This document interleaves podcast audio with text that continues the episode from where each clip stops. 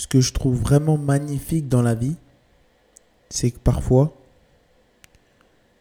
tu rencontres des, personnes extraordinaires, des personnes que tu ne pensais pas rencontrer dans ta vie, et là tu les rencontres et tu dis, waouh, est-ce que ça aurait été possible si j'aurais pas fait ce changement? Est-ce que ça aurait été possible si je m'étais pas rendu dans cet endroit-là? Comment j'ai fait pour rencontrer ces personnes-là?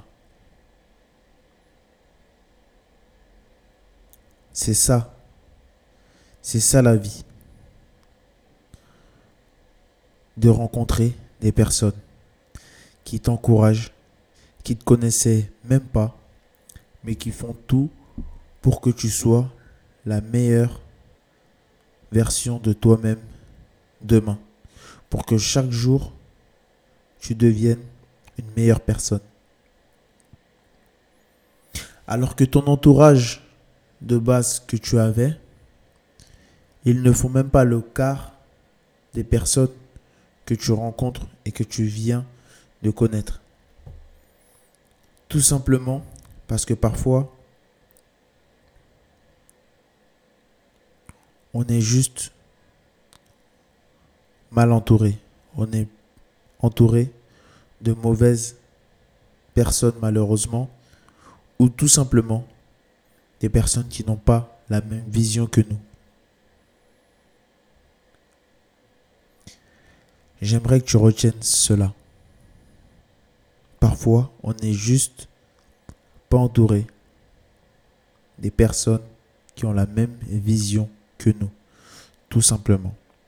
Et une fois qu'on rencontre les personnes qui ont la même vision que nous, ben c'est le départ. C'est le top départ, c'est la fusée. Et notre vie change, change, change, change, change, change. Chaque jour. Retiens bien cette phrase. Une fois que tu trouves les personnes qui ont la même vision que toi, que ce soit relation, amicale, projet, toutes ces choses-là, en une seule fois, sache que ta vie va exploser de bonheur, de réussite et de joie. Donc aujourd'hui, si tu n'es pas entouré de ces personnes, vas-y, entoure-toi d'eux, cherche-les. Parfois, ils ne sont pas très loin. Donc voilà, on va clôturer sur ça.